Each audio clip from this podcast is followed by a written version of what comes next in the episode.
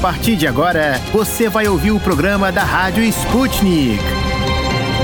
Olá, queridos ouvintes. Meu nome é Ana Liv Esteves e eu tô aqui com o meu colega Pablo Rodrigues para comandar mais um programa da Rádio Sputnik diretamente de Moscou. Saudações, ouvintes! É um prazer começar mais uma semana do lado de vocês nessa segunda-feira, 31 de janeiro. Infelizmente, as chuvas no estado de São Paulo seguem fazendo vítimas, caros ouvintes. Desde sábado, dia 29 de janeiro, os temporais já deixaram 19 19 mortos, incluindo sete crianças, de acordo com o governador paulista João Dória. Segundo ele, cerca de 500 pessoas estão desalojadas em 11 cidades do estado. Dória liberou 15 milhões de reais do orçamento estadual para as cidades afetadas, pois as fortes chuvas causaram deslizamentos de terra, transbordamento de rios e alagamentos. Em Brasília, o Ministério do Desenvolvimento Regional emitiu nota lamentando a aspas,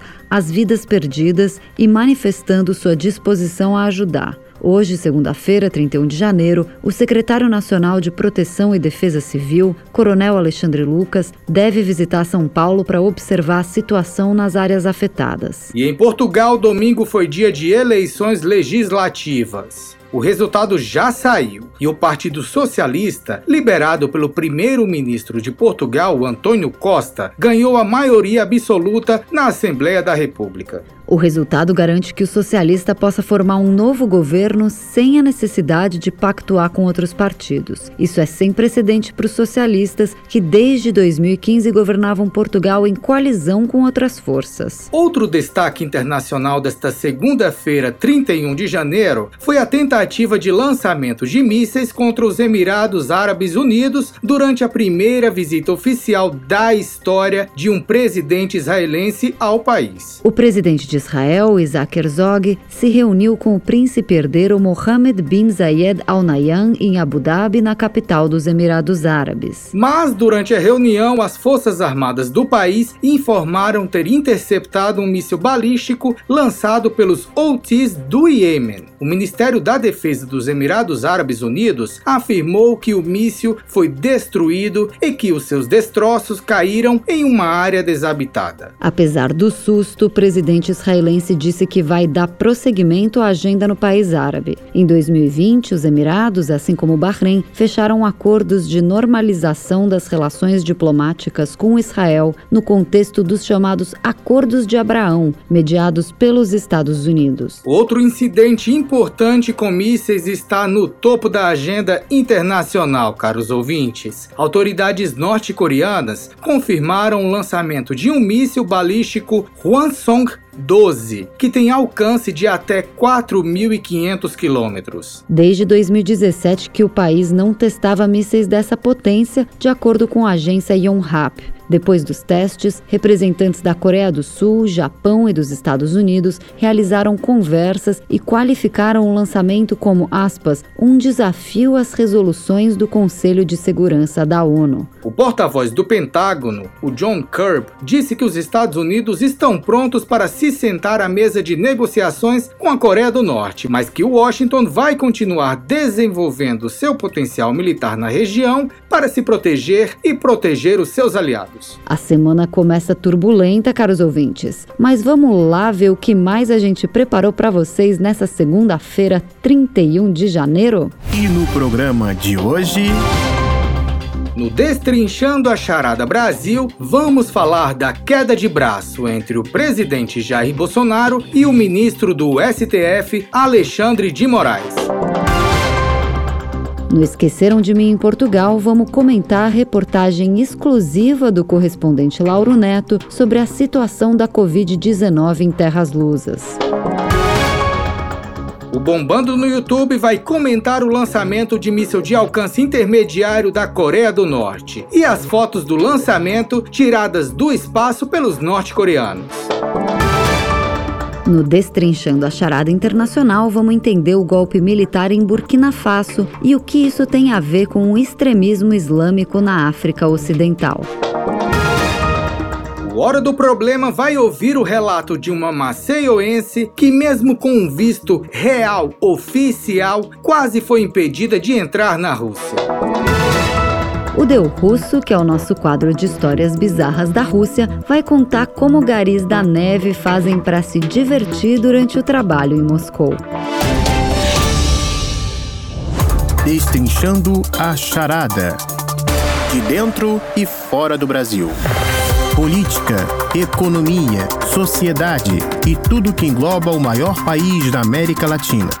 As charadas mais complicadas do Brasil são destrinchadas aqui Olá, queridos ouvintes! No nosso Destrinchando a Charada Brasil de hoje, a gente vai falar sobre a polêmica envolvendo o depoimento do presidente Jair Bolsonaro à Polícia Federal. Depoimento que acabou não acontecendo, não é mesmo, Ana? O presidente deveria ter se apresentado na última sexta-feira à Polícia Federal, mas alegou que exerceu o direito de ausência. Tudo começou depois da divulgação feita pelo presidente em redes sociais de dados e documentos sigilosos de um inquérito não concluído sobre ataques ao sistema do Tribunal Superior Eleitoral. Alegando que as informações da apuração foram distorcidas e tratadas como definitivas, mesmo sem a conclusão do inquérito, a Polícia Federal viu indícios de crime. No inquérito que investiga a atuação do presidente, a Polícia Federal afirma que ele cometeu um crime, mas ressaltou que não iria promover o indiciamento do chefe do executivo para não violar precedentes do Supremo Tribunal Tribunal Federal. Segundo o STF, pessoas com foro só podem sofrer indiciamento mediante autorização da Corte. Além das declarações durante a live, o Bolsonaro divulgou um link com a íntegra de um inquérito sigiloso que a PF não tinha concluído. As informações diziam que um hacker teve acesso ao código-fonte das urnas eletrônicas em 2018. Com tudo isso, o ministro Alexandre de Moraes, do Supremo Tribunal Federal, determinou que Bolsonaro fosse prestar presencialmente esclarecimentos sobre o vazamento dessas informações sigilosas. O presidente chegou a tentar uma manobra judicial que o desobrigasse a comparecer ao depoimento. A Advocacia Geral da União entrou com um pedido para o plenário do STF STF analisar o caso no lugar do relator, mas o agravo foi negado. O órgão defendeu que ao agente político é garantida a escolha constitucional e convencional de não comparecimento em depoimento em seara investigativa. Mesmo assim, Alexandre de Moraes argumentou que Bolsonaro teria o direito de permanecer em silêncio, mas não de deixar de comparecer à oitiva. Toda essa polêmica e queda de braço entre o presidente da República e o ministro do STF dividiu o mundo jurídico nos últimos dias. Sendo assim, vamos ouvir alguns especialistas. Primeiro, a gente vai acompanhar o ponto de vista do advogado Acácio Miranda da Silva Filho. Ele é especialista em direito constitucional e penal e encaminhou um áudio para a Rádio Sputnik. A relação entre os poderes já é desde o início do mandato do presidente da República, desgastada. Até por conta da postura dele, ele estica a corda ao máximo e quando sente que ela está próxima a estourar, ele acaba praticando alguns gestos que recompõem a relação entre os poderes. Mas, especificamente em relação ao ministro Alexandre de Moraes e ao ministro Barroso, que são os dois ministros do Supremo que também compõem o Tribunal Superior Eleitoral, o presidente gente não perde uma oportunidade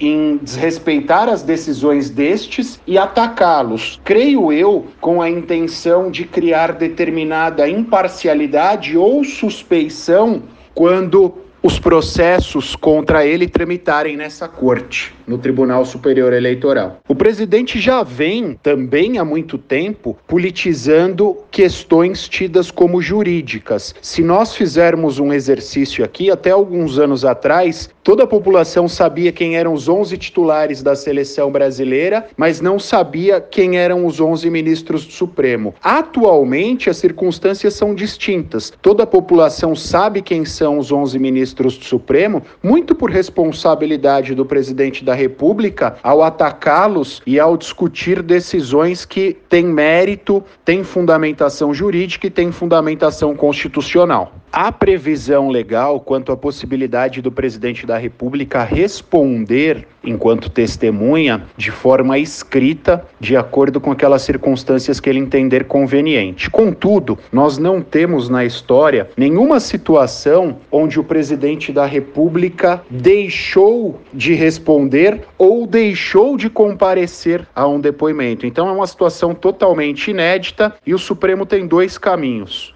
Um primeiro caminho, aceitar essa recusa do presidente de forma institucional, permitir que ele decida novamente se quer depor de forma escrita ou se quer depor pessoalmente, ou entender que o não comparecimento de hoje é uma forma de desobediência, uma forma de inobservância de uma decisão judicial e, consequentemente, oficiar a presidência do Congresso Nacional pelo eventual cometimento de um crime de responsabilidade. O Supremo deu 60 dias para que ele decidisse se se queria responder de forma escrita, neste prazo de 60 dias, ou se ele decidiria por comparecer pessoalmente. O próprio presidente, desde o primeiro momento, disse que compareceria pessoalmente. E quando da data do comparecimento, 11 minutos antes, interpôs um recurso dizendo que não poderia e não deveria comparecer. Então não há nenhuma irregularidade por parte do Supremo, o que há é certo desrespeito do presidente em relação à Corte Constitucional.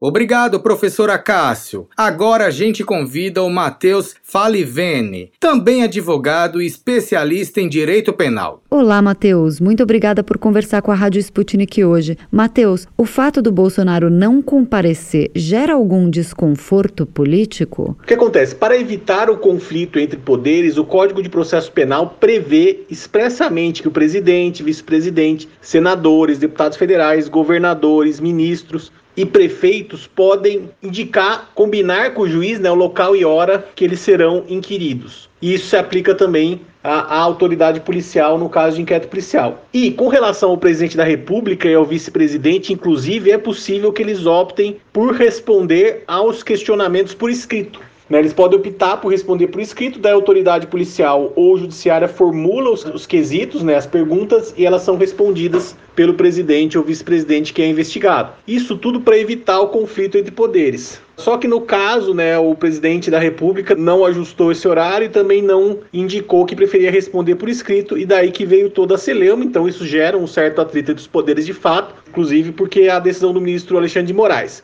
Eu acredito que o presidente não deve politizar a questão, porque aí, ainda que o STF tenha muito de política nos seus julgamentos, a questão aí não é política, é uma questão jurídica, né? A questão do, de eventual esclarecimentos dele, interrogatório dele é uma questão jurídica, então entendo que não é o caminho politizar. Uh, sim, tem precedente, na verdade há um debate na doutrina e na jurisprudência a respeito, por exemplo, se é possível Quer dizer, na verdade, se o presidente teria direito, como qualquer cidadão tem, de não comparecer perante a autoridade policial ou não comparecer perante a autoridade judiciária. Por quê? Dizem duas correntes, na verdade. Para uma corrente, caso a pessoa intimada não compareça, ela pode ser conduzida coercitivamente. Para outra corrente, em razão do direito à não autoincriminação, a pessoa não seria obrigada a comparecer perante a autoridade policial ou judiciária. E essa é uma grande questão. Eu acho que, inclusive, essa teoria, para mim, a segunda teoria, é mais adequada porque é mais garantista. Então, como a pessoa tem o direito ao silêncio, ela teria também o direito de nem comparecer perante a autoridade. Houve abuso por parte de Moraes a não agendar uma data para o depoimento?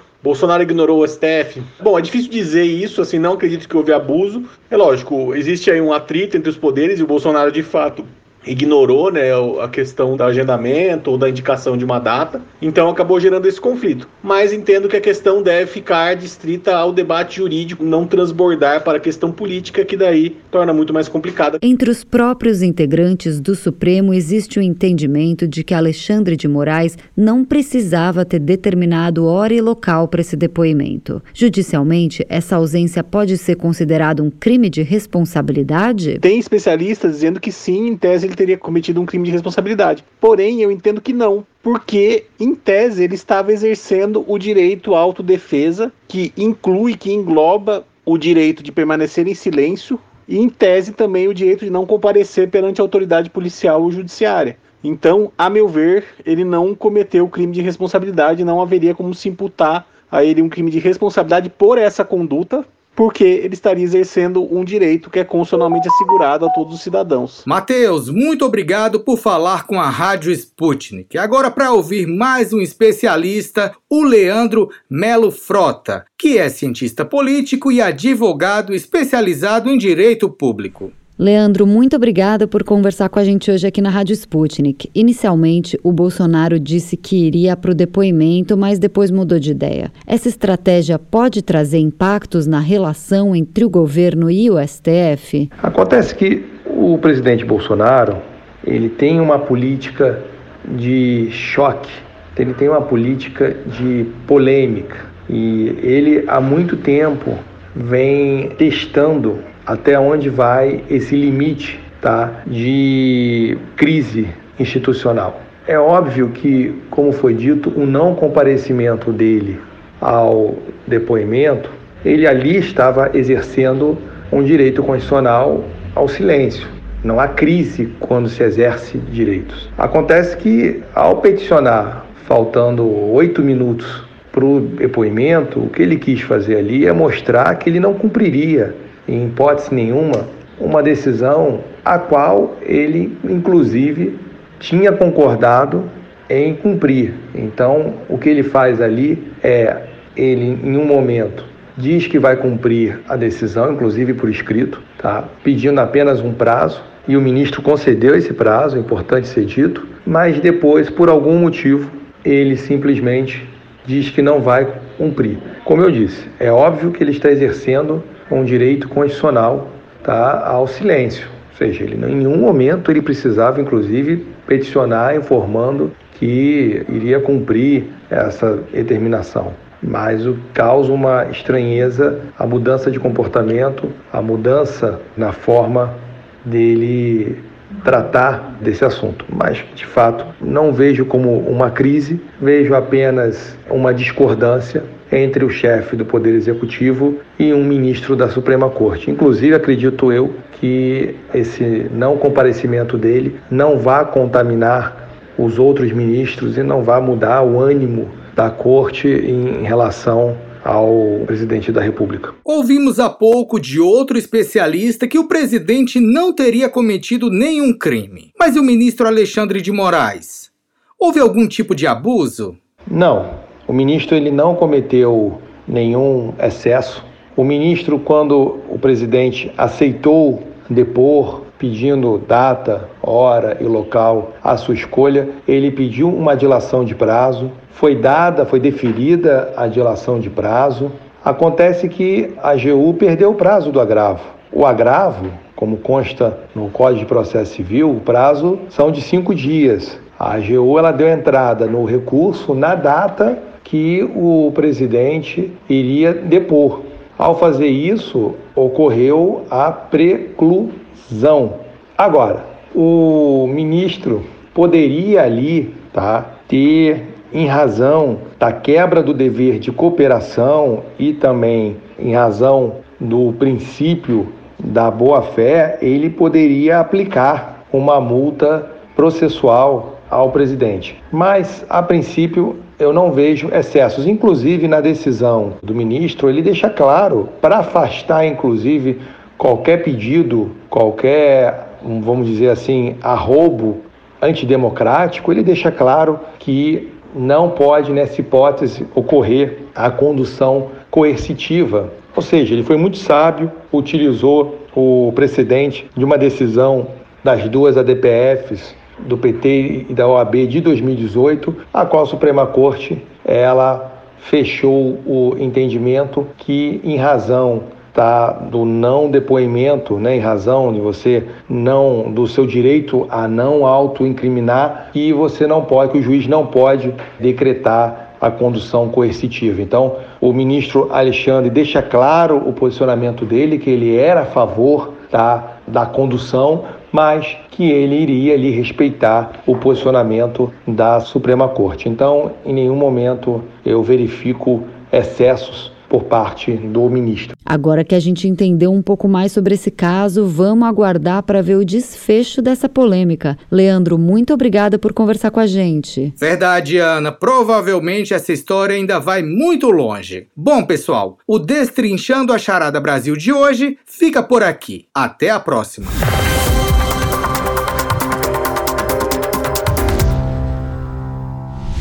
Esqueceram de mim em Portugal. Senhoras e senhores passageiros, apertem os cintos de segurança porque estamos prestes a decolar rumo a Portugal. A tripulação Sputnik Brasil deseja a todos uma ótima viagem.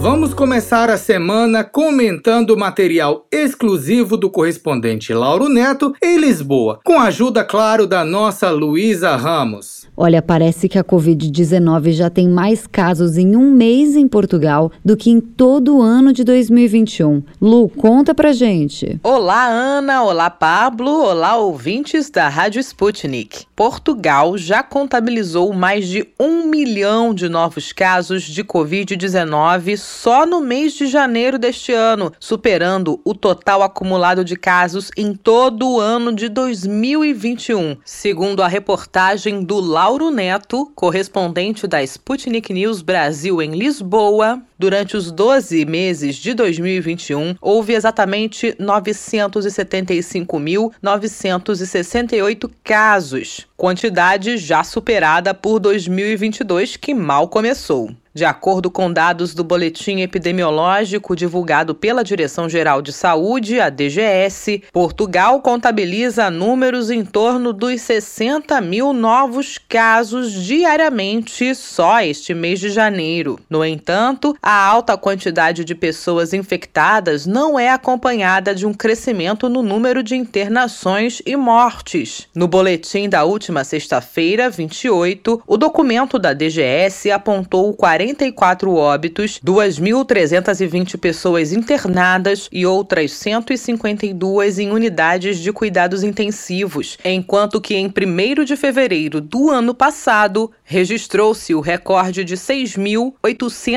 6.869 internações e os casos graves na ocasião beiravam 900 pessoas. Especialistas ouvidos pelo correspondente Lauro Neto atribuíram os recordes de novos casos diários à alta transmissibilidade da Omicron, como afirmou a médica gaúcha Nair Amaral, que trabalha em hospitais e asilos na área metropolitana de Lisboa e acredita que a pandemia pode virar endemia sazonal em breve. Realmente é uma cepa muito menos agressiva, não tem a virulência das outras cepas, e isso é história natural de todos os vírus, eles se adaptam. Eu acho que nós temos muitos casos porque ele é facilmente contagioso mas ele causa muito menos sintomas e muito menos mortalidade. O que vem a acabar com a pandemia, que eu acredito muito que ela vai se tornar uma endemia, vão ter focos no mundo assim mais intensos e vão ter sempre. Além disso, Portugal tem uma das mais altas taxas de vacinação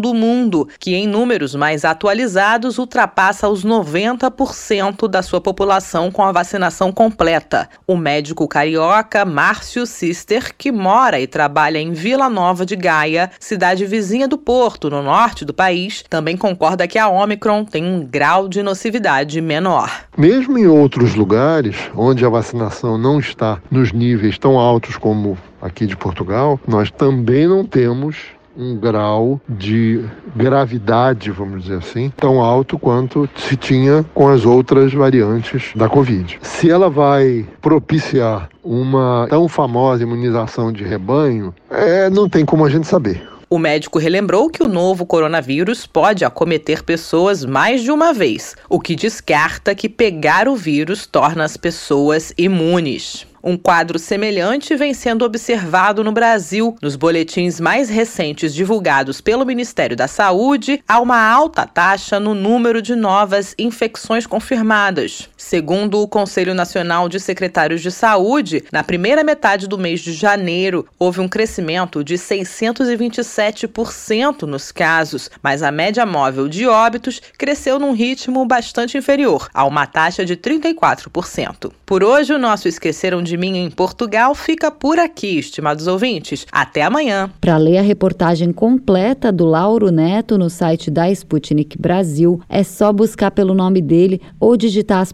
palavras-chave Portugal e pandemia. Aproveitem para comentar ou reagir sobre a reportagem do nosso correspondente, caros ouvintes. Lembrando que o nosso site é br.sputniknews.com. A gente agradece a Luísa Ramos por ter trazido as informações aqui pra gente em forma de áudio. Valeu, Luiz. Até amanhã com mais notícias da Terrinha. Bombando no YouTube. Curtidas e mais curtidas da Rússia ao Brasil. Confira com a Rádio Sputnik os vídeos que receberam mais likes e visualizações e estão no topo do YouTube. E fique por dentro do que está sendo filmado por amadores ou profissionais pelo mundo afora.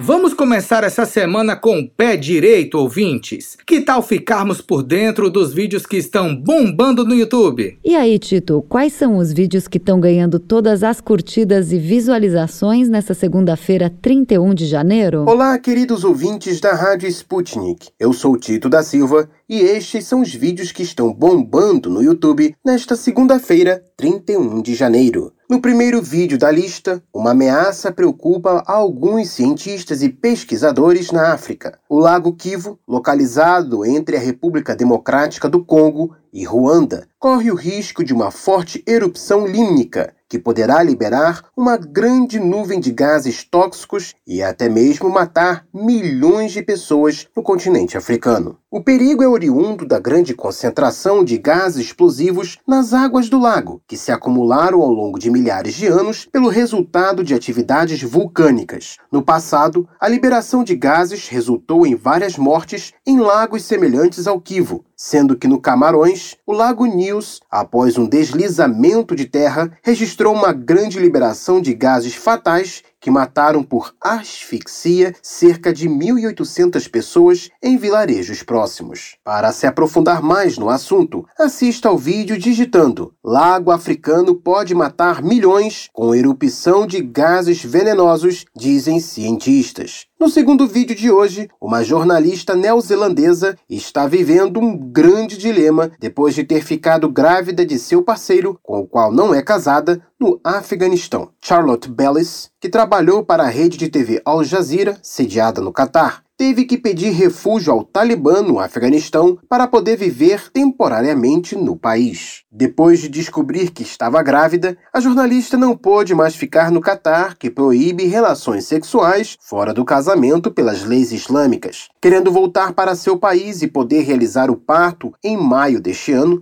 Belly se preparou para partir, mas, com os casos da variante Omicron do coronavírus, Bellis ficou impedida de voltar para Nova Zelândia, que permaneceu de portas fechadas. Para Bellis, a única opção foi voltar para o Afeganistão, para cujo país seu visto ainda está válido, e depois de receber autorização do Talibã, decidiu ficar no país. Mais detalhes do dilema de Bellis você pode saber pelo vídeo Única Opção. Jornalista grávida da Nova Zelândia pede refúgio ao governo Talibã. E no terceiro vídeo de hoje, a Coreia do Norte confirmou ter testado um míssil de alcance intermediário, o Hwasong-12, que seria capaz de atingir o território norte-americano de Guam. O míssil, que caiu no mar do Japão conforme o esperado, seria capaz de carregar uma ogiva nuclear e alcançou velocidade máxima de 16 vezes a velocidade do som durante o teste, segundo militares sul-coreanos. Estados Unidos e Coreia do Sul temem que os recentes inúmeros testes de mísseis da Coreia do Norte sejam um sinal de que o país está se preparando para um novo teste nuclear. O vídeo com mais detalhes você encontra digitando no YouTube.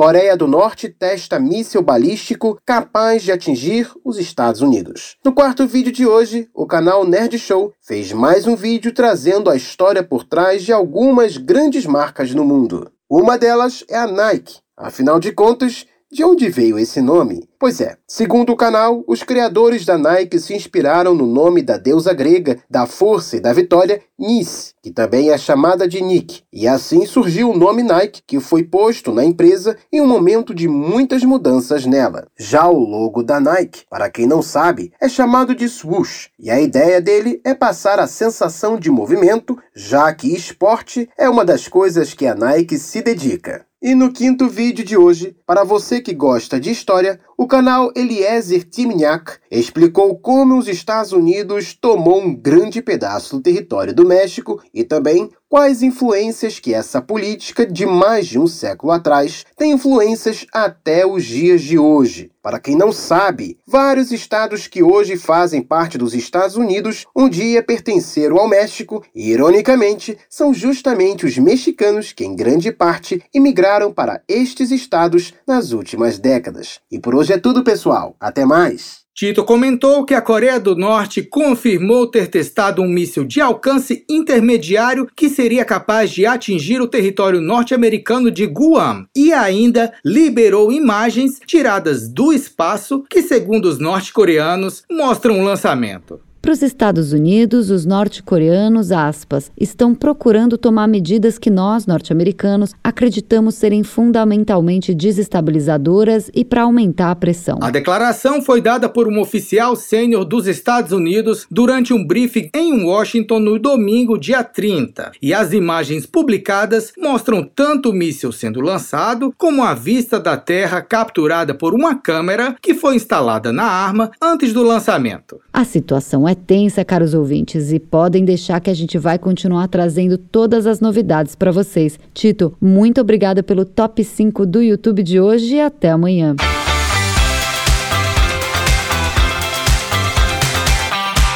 Destrinchando a charada. Encruzilhada Internacional. Relações políticas, socioeconômicas e muito mais entre as nações deste mundão da Rússia aos Estados Unidos. Encontre com a gente as respostas às perguntas do momento. Estimados ouvintes, no nosso Destrinchando a Charada Internacional, vamos falar sobre a situação atual de Burkina Faso, país da África Ocidental com cerca de 21 milhões de habitantes e cercado por seis países: Mali, Níger, Benin, Togo, Gana e Costa do Marfim. Na segunda-feira passada, dia 24 de janeiro, a televisão nacional na capital do país, o Agadugu, anunciou a formalização do golpe militar. O movimento evento que durou cerca de 10 horas suspendeu a Constituição e levou preso o presidente Roquemar Christian Caborré, colocando em seu lugar o tenente-coronel Paul Henri Sandaogo da Mimba. Burkina Faso é membro das principais organizações internacionais do continente africano, como a União Africana e a Comunidade Econômica dos Estados da África Ocidental, a. A ex-colônia francesa se tornou independente em 1960, mas só em 1984 que assumiu esse nome atual que na língua africana Mori significa terra das pessoas íntegras. Com esse golpe, a integridade das terras burkinenses são perturbadas mais uma vez, agora pela ameaça representada por grupos terroristas islamitas que já fizeram mais de duas mil vítimas ao longo dos últimos seis anos em Burkina Faso. Conversamos com os professores Jonuel Gonçalves e Guilherme Dias para entender melhor como o país da África Ocidental sofreu um golpe militar alimentado por forte onda de insegurança envolvendo grupos extremistas islâmicos, em processo muito parecido com o que aconteceu no Mali. Jonuel Gonçalves é professor de Relações Internacionais na Universidade Federal Fluminense e especialista em África e América do Sul. Nós vamos começar a conversa com ele. Professor, não foi a primeira vez que o país da África Ocidental enfrentou uma tentativa de golpe institucional. Isso também aconteceu há sete anos. Na ocasião, um grupo da elite militar se rebelou e tentou derrubar o governo vigente, gerando uma onda de instabilidade no país. Considerando isso, qual a principal diferença entre o que houve na semana passada e a tentativa de golpe de 2015? A grande diferença em relação a 2015 é que a tentativa de golpe de 2015 não contava com o apoio da maioria do exército e desta vez parece que conta. Em 2015 havia grande euforia nacional no Burkina Faso com a derrubada do regime autoritário uns meses antes e que aquela tentativa de golpe parecia um prolongamento com outras figuras do regime anterior. Agora o que está acontecendo é que o exército está descontente com a falta de meios e, inclusive, aproveitando o descontentamento da população com a ausência de uma política de segurança eh, que consiga proteger a população, que está largamente desprotegida, sobretudo em regiões de fronteira. E então ao exército está sendo pedido um esforço sem os meios para tal. É bom lembrar que alguns dos autores do golpe atual estiveram contra o golpe de 2015. Professor Junoel Gonçalves, o que Al-Qaeda e Daesh, ambas organizações terroristas proibidas na Rússia e em muitos outros países, têm a ver com este golpe em Burkina Faso? O jihadismo tem atacado muito do Burkina Faso. São forças jihadistas que, em princípio, vêm a partir do Mali, mas é provável que já tenham algumas células dentro do próprio Burkina Faso. Então, toda a região próxima, mas próxima com alguma profundidade, da fronteira maliana são regiões muito vulneráveis e há mais ou menos 1 milhão e 600 mil pessoas que se deslocaram dessas regiões para outros pontos do país e, naturalmente, aumentam então o número de pessoas em níveis de pobreza muito acentuada. O Estado Islâmico e a Al-Qaeda do Maghreb Islâmico parecem ser as forças principais que fazem os ataques e são ataques que têm incidido em regiões isoladas ou então aproveitando o movimento de população ao longo das estradas. A situação que se criou é uma situação de autêntico alarme e muita crítica era feita em Ouagadougou, na capital, contra o que consideravam, digamos que a paralisação do governo, a falta de capacidade para definir uma política e os meios dessa política de segurança nacional. Por que a Organização das Nações Unidas interviu a respeito da prisão do presidente de Burkina Faso, Roch Marc Christian Caboré? E como a gente pode relacionar a recente nomeação em dezembro por Caboré do ex-funcionário da ONU, Lassina Zerbo, como primeiro-ministro? E a França, professor? Como atuou no caso da prisão do presidente de Burkina Faso? As Nações Unidas estão protestando contra o golpe, ou chamando a atenção de que o golpe é um perigo para a democracia, independente do fato de que o primeiro-ministro tinha sido funcionário das Nações Unidas. Aliás, muitos membros de governos africanos passaram por agências internacionais. O primeiro-ministro tinha sido nomeado há muito pouco tempo, precisamente para responder a essas reivindicações de melhores condições de segurança e, inclusive, melhoria é, dos níveis de vida da população, parte da qual pode vir a ser atraída para a mobilização pelos grupos jihadistas em função precisamente da miséria. A França, pela voz do próprio presidente Macron, se interroga e diz que o importante é saber em que condições está o derrubado presidente Roche Christian Caboret. Depois disso, foi dito que ele estava em prisão domiciliar, ele e o primeiro-ministro. Quem estaria preso era o ministro da Defesa e o presidente da Assembleia Nacional, que é considerado como um sucessor provável de Roche Christian Caboret. Podemos dizer que o risco para a democracia que o senhor menciona é evidente? Qual é o peso de mais um golpe militar na região da África Ocidental? Exatamente, a democracia está em risco. Não é impossível que os militares do Burkina Faso sigam, por exemplo, a linha que está sendo adotada no Mali, onde os militares tomaram o poder de forma absoluta e querem ficar no poder durante cinco anos. Ora, no caso do Burkina Faso, há uma tradição de luta democrática, como houve em 2015, por exemplo, e o partido de Roche Christian Caboret já publicou uma declaração pedindo a libertação dele e de todos os outros detidos e o regresso à ordem constitucional. Por outro lado, a sociedade civil se organiza em torno de algumas ONGs nacionais muito importantes e que têm tido uma ação realmente muito intensa. Tiveram contra o regime antigo, antigo regime ditatorial, tiveram também, ao longo de todo este período, com críticas às insuficiências de segurança e às insuficiências de caráter social. Bom, a gente já sabe que na África os golpes de Estado, quando se conseguem manter, eles têm um efeito de contágio e neste momento temos cinco regimes militares relativamente recentes: o Sudão, o Chad, a República da Guiné, o Mali e agora o Burkina Faso. Obrigada, professor Januel Gonçalves. Agora a gente vai conversar um pouco com o Guilherme Dias, que é professor de Relações Internacionais na Escola de Comando Comando Estado-Maior do Exército e especializado em países da África e Timor-Leste. O que significam as diferenças entre a situação atual em Burkina Faso e a tentativa de golpe em 2015, Guilherme Dias? São fenômenos, digamos assim, de origem distinta, apesar de alguns atores serem semelhantes, né? Na crise de 2015, nós tínhamos um grupamento de elite, né? um regimento de segurança presidencial que se rebelou e tentou um golpe, tentou derrubar o governo Esse golpe de 2015 fracassou e o que nós temos visto nessa situação agora, já em 2022,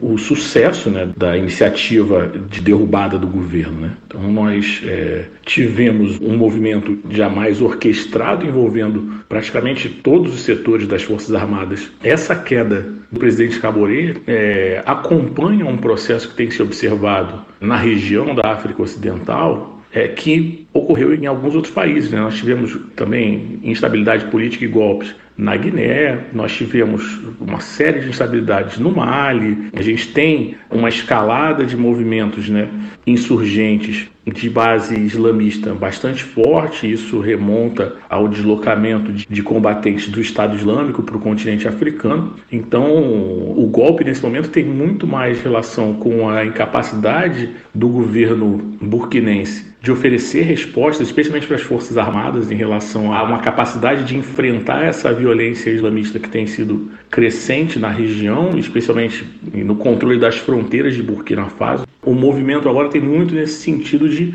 ser uma resposta a uma percepção das Forças Armadas primeiro e depois da sociedade. A gente viu um volume significativo de pessoas, de cidadãos burkinenses, se manifestando positivamente, né, enfim, acreditando que essa será uma ruptura temporária para que haja um novo processo eleitoral e então um novo governo seja instalado a partir da vontade popular. Isso não é nada garantido nesse momento, mas é, certamente é essa expectativa. E isso está muito atrelado a uma demanda da população por um enfrentamento mais é, incisivo contra essas forças que têm operado dentro do território burkinense. Guilherme, qual a importância de Burkina Faso politicamente para a África Ocidental? Há uma, uma onda de instabilidade na região, especialmente na parte mais central da região, envolvendo o Mali, envolvendo a região norte da Nigéria, enfim, é o principal país da região, e também há um movimento político na região para resguardar de alguma forma a capacidade de manutenção mínima de um aparato democrático, de um de funcionamento das instituições políticas. E o que nós temos visto nesse movimento é, inclusive, um fortalecimento dessa relevância, né? a, tentativa de lidar com, com essa questão em Burkina Faso, muito por conta de, de significar um, um sinal, uma sinalização para toda a região, para o continente africano e para os parceiros internacionais. Praticamente todos os parceiros de Burkina Faso se manifestaram contrariamente ao golpe, etc. Esse movimento golpista acabou oferecendo uma relevância maior ao país nesse momento e dos membros da CDAO, da Comunidade Econômica dos Estados da África Ocidental, em relação ao país. Como ex-colônia francesa, qual a importância da França para o país atualmente? E que tipo de influência a França poderia oferecer a Burkina Faso neste momento? Em termos econômicos, a relação é uma relação muito pequena. Né? Os principais parceiros de Burkina, que tem basicamente o ouro com quase três mais de três quartos da sua economia. Então, países como Suíça, como Índia, como Singapura, como vizinhos, né, Costa do Marfim, Gana, ou mesmo a China estão à frente da França, né? Mesmo na Europa, né? Países como Espanha, como Alemanha e Itália ainda sim se encontram à frente como maiores mercados em relação à França. A relação política também carrega um pouco desse viés simbólico e de um viés de uma atuação que transcenderia o país, né? uma atuação para a região. As manifestações do presidente Macron em relação ao repúdio ao golpe, em relação à necessidade de manutenção da ordem democrática, da ordem constitucional, dizem muito em relação a uma região que tem sido alvo frequente da atuação francesa nesse sentido. Politicamente, a resposta a esse golpe também carrega esse sentido de sinalizar para toda a região o compromisso que a França teria com a manutenção da estabilidade, com a manutenção da democracia na região. Em termos de influências a serem realizadas, acho que passa muito por esse aspecto da condenação inicialmente. Não acredito num primeiro momento que haja uma disposição para envio de tropas. A tendência é que se observe um pouco os desdobramentos, que haja uma atuação muito mais no campo diplomático, no campo das negociações, da tentativa de construir um caminho para a retomada ao poder né, do presidente Caboré. E parece que um caminho mais viável pode ser o envolvimento das organizações subregionais, no caso da CDAO, ou regionais, no caso da União Africana, para lidar com isso. E aí o papel da França é o papel de dar um respaldo político, talvez algum tipo de apoio econômico a essas iniciativas para verificar a possibilidade de sucesso. Depois do golpe, ainda na sexta-feira, 28 de janeiro, a Comunidade Econômica dos Estados da África Ocidental, CDAO, suspendeu o Burkina Faso da organização durante uma cúpula extraordinária virtual. O que a gente pode analisar sobre essa sanção? Esse processo de suspensão não é exatamente um fenômeno novo, né? Quer dizer, nós tivemos suspensões quando a gente teve golpes no Mali, na própria Guiné, nos últimos tempos. Então, o que nós podemos ter posteriormente são sanções econômicas, outros tipos de sanção política. A suspensão da organização subregional já é uma sinalização bastante forte de que não haverá tolerância e que não haverá tratamento distinto entre os membros. Né? Então, se há esse movimento antidemocrático, né, de ruptura democrática, Burkina Faso, que é um Estado de menor influência política, menor relevância política, certamente não deixaria de ser alvo e certamente as pressões contra o, o novo governo do tenente-coronel Damibá certamente continuarão a ser empreendidas, especialmente porque os países da CDAO têm tido respaldo da comunidade internacional. A França segue nessa mesma toada, a própria União Europeia como um todo se manifestou, os Estados Unidos, então há toda uma posição em comum da comunidade internacional repudiando esse movimento golpista e demandando a restituição de Caboré ao poder. A questão é se há espaço e como se construirá essa negociação para essa retomada. Quais novos desdobramentos podem ocorrer na região? E o que devemos esperar daqui para frente em Burkina Faso, professor Guilherme? Um fator que foi utilizado como justificativa para esse golpe, que é a questão ah, da violência de grupos islamistas, da incapacidade do governo de oferecer condições para que as suas forças armadas, suas forças de segurança pudessem responder a essa onda de violência, esses ataques, me parece que essa motivação ela continua presente na região. Né? Então, mesmo em países com grande capacidade militar, com mais recursos, como o caso da Nigéria, é, trata-se de um país que também sofre bastante com terrorismo de base islâmica, especialmente em relação ao Boko Haram, que também opera, acaba operando nessas regiões né, de fronteira, o que tem sido bastante grave porque outros países não têm tanta capacidade para lidar com isso. Grupos ligados a Daesh, ao Estado Islâmico, também têm operado na região, operaram, chegaram no início do transbordamento do conflito na Síria e na Líbia, chegaram a causar uma série de problemas na própria Argélia, que é um estado também com uma capacidade de resposta bastante grande, depois se deslocaram para o Mali, deslocaram, foram se infiltrando para a região da África Ocidental. Então, nesse sentido, observar essa dinâmica em relação às motivações pode ser um fator importante, né? E também observar a capacidade que esses estados vão ter de construir respostas conjuntas, né? Esse é um grande desafio, né? Apesar de você ter um processo de integração, uma iniciativa de integração como a CDAO, que tem um, uma capacidade militar, né, de atuar enfim, é muito comum nos blocos econômicos subregionais africanos você ter um braço militar, um braço de integração de instrumentos de defesa. E na própria União Africana você ter esse tipo de iniciativa para coordenar respostas a ameaças, a questões de segurança, a gente ainda não conseguiu enxergar a efetividade dessas iniciativas, né? alguma coisa um pouco mais perene, alguma coisa um pouco mais robusta. Mas é importante que a gente lembre que há, enfim, uma série de demandas de segurança né, no continente. Então, muitas vezes há dificuldade, há uma limitação de recursos e há uma dificuldade de operar em diferentes crises que nós temos observado nos últimos meses e anos. Agradecemos muito pela participação dos dois profissionais neste debate importante no continente africano. A gente conversou hoje com Jonuel Gonçalves, professor de Relações Internacionais da UF, especialista em África e América do Sul, e Guilherme Dias professor de Relações Internacionais na Escola de Comando Estado-Maior do Exército e especializado em países da África e Timor-Leste. A reportagem, produzida pela Luísa Ramos e com edição de texto de Bruno Fernandes, está também no nosso site, ouvintes. Acesse br.sputniknews.com e digite Burkina Faso na busca ou clica lá em Panorama Internacional e veja as publicações mais recentes. Nossa entrevista internacional de hoje fica por aqui, ouvintes.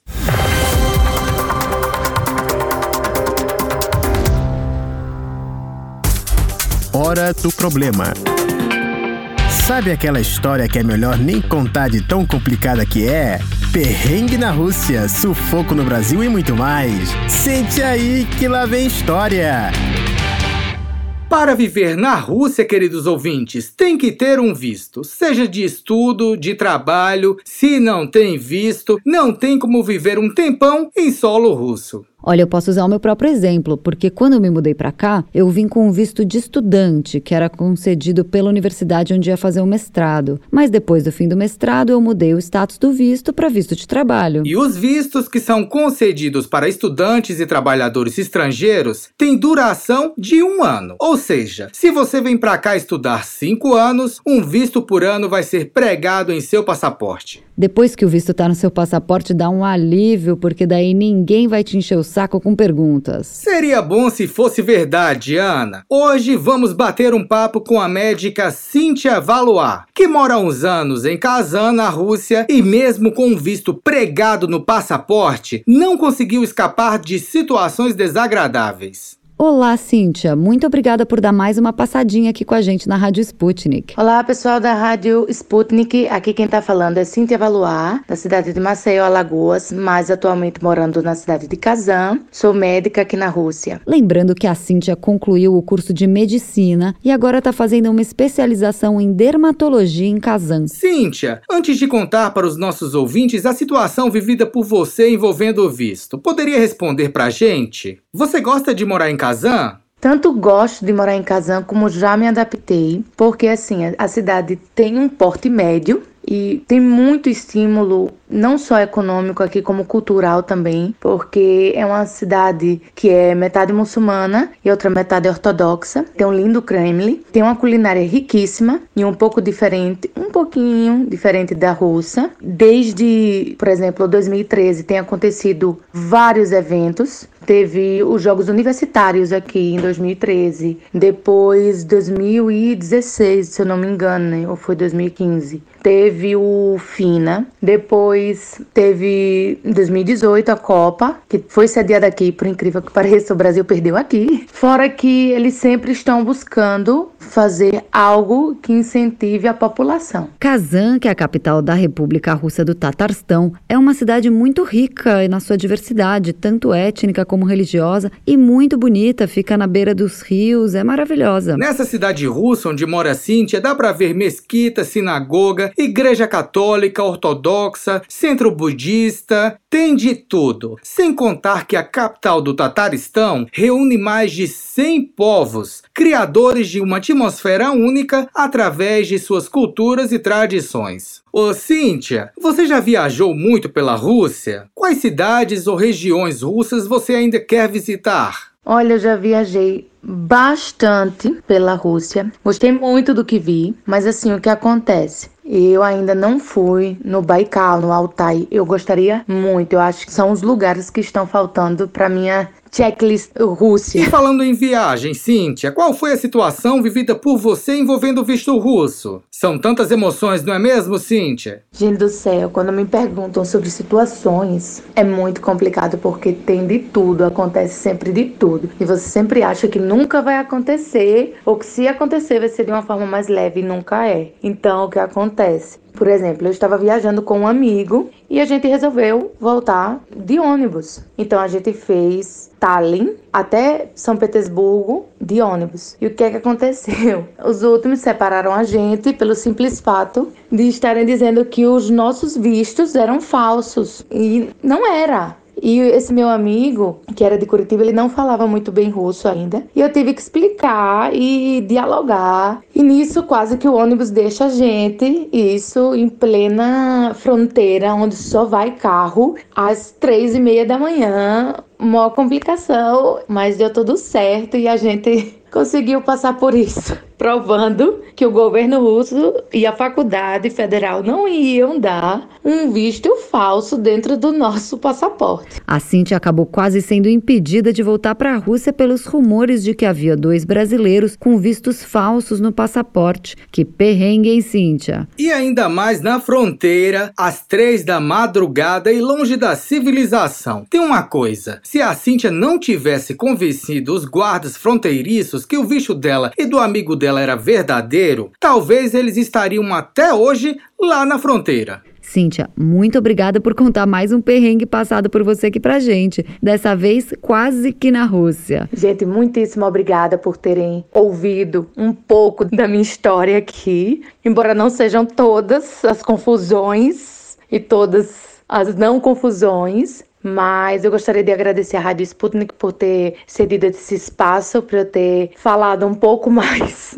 sobre mim. Obrigada. Qualquer coisa, vejo todos em Kazan. Batemos um papo com a médica maceioense Cíntia Valois, que está fazendo uma especialização em dermatologia em Kazan, na Rússia. Cíntia, um grande abraço.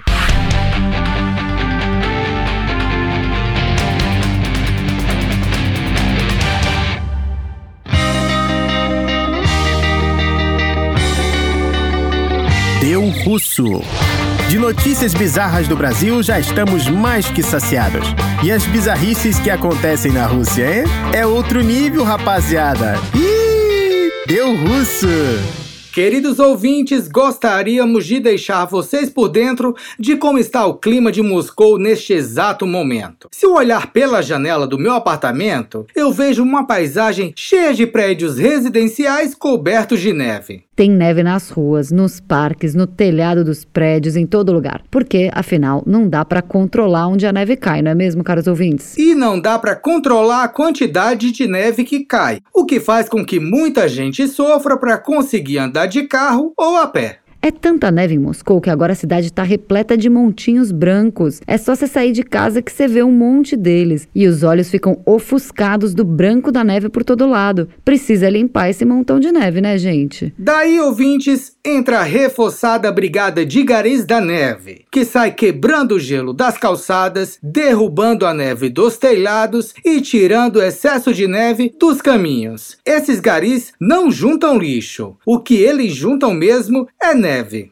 Eles usam uns veículos limpa-neve para remover os montes brancos da capital russa e para quebrar o gelo formado nos asfaltos e na calçada, vale tudo. Enxada, pá. A Brigada da Neve não para de trabalhar, caros ouvintes. Caiu neve, eles estão lá para deixar as ruas e telhados livres de neve. Mas quem disse que os brigadistas da neve não têm sossego? Em uma estreita rua de Moscou, dois garis de neve foram vistos se divertindo nos Montes Brancos. Antes de desfazer a bagunça que só a neve pode causar, dois garis foram vistos aproveitando o melhor do inverno. Os dois estavam subindo nos telhados e praticando saltos nos montes de neve. A ideia era simples. Imaginem que vocês, ouvintes, estão em um trampolim e a regra é pular. Mas em vez de caírem em uma piscina, vocês acabam caindo em altas formações de neve. Esses dois garis queriam mesmo era praticar os saltos. E não era qualquer salto, não. Eles estavam dando cambalhotas de costas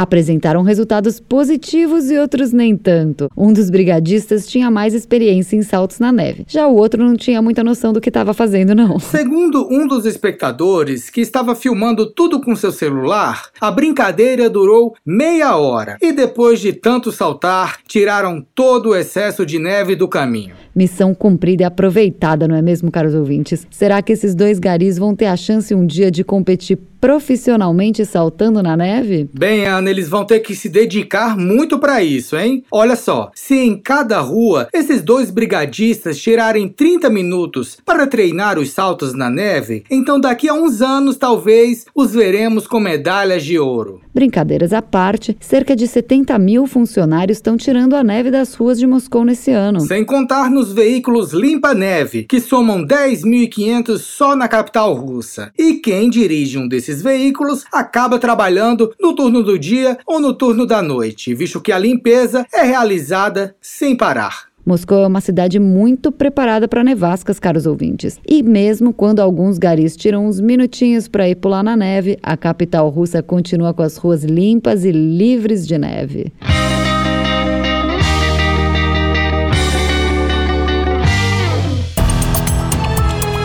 Hora de dar tchau.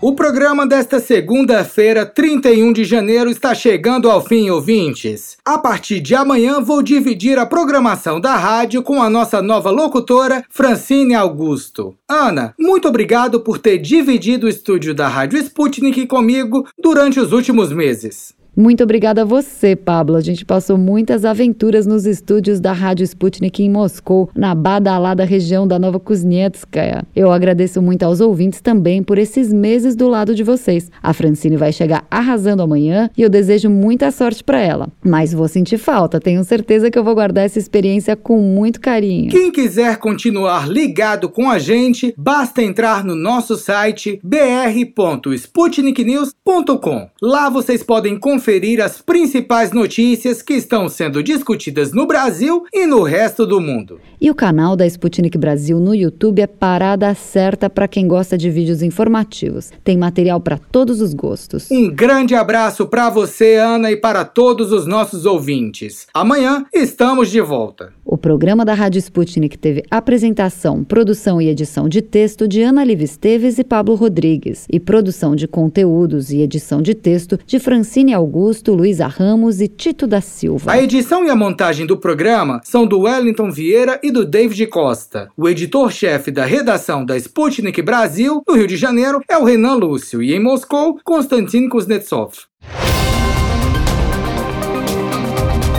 Você acabou de ouvir mais um programa da Rádio Sputnik.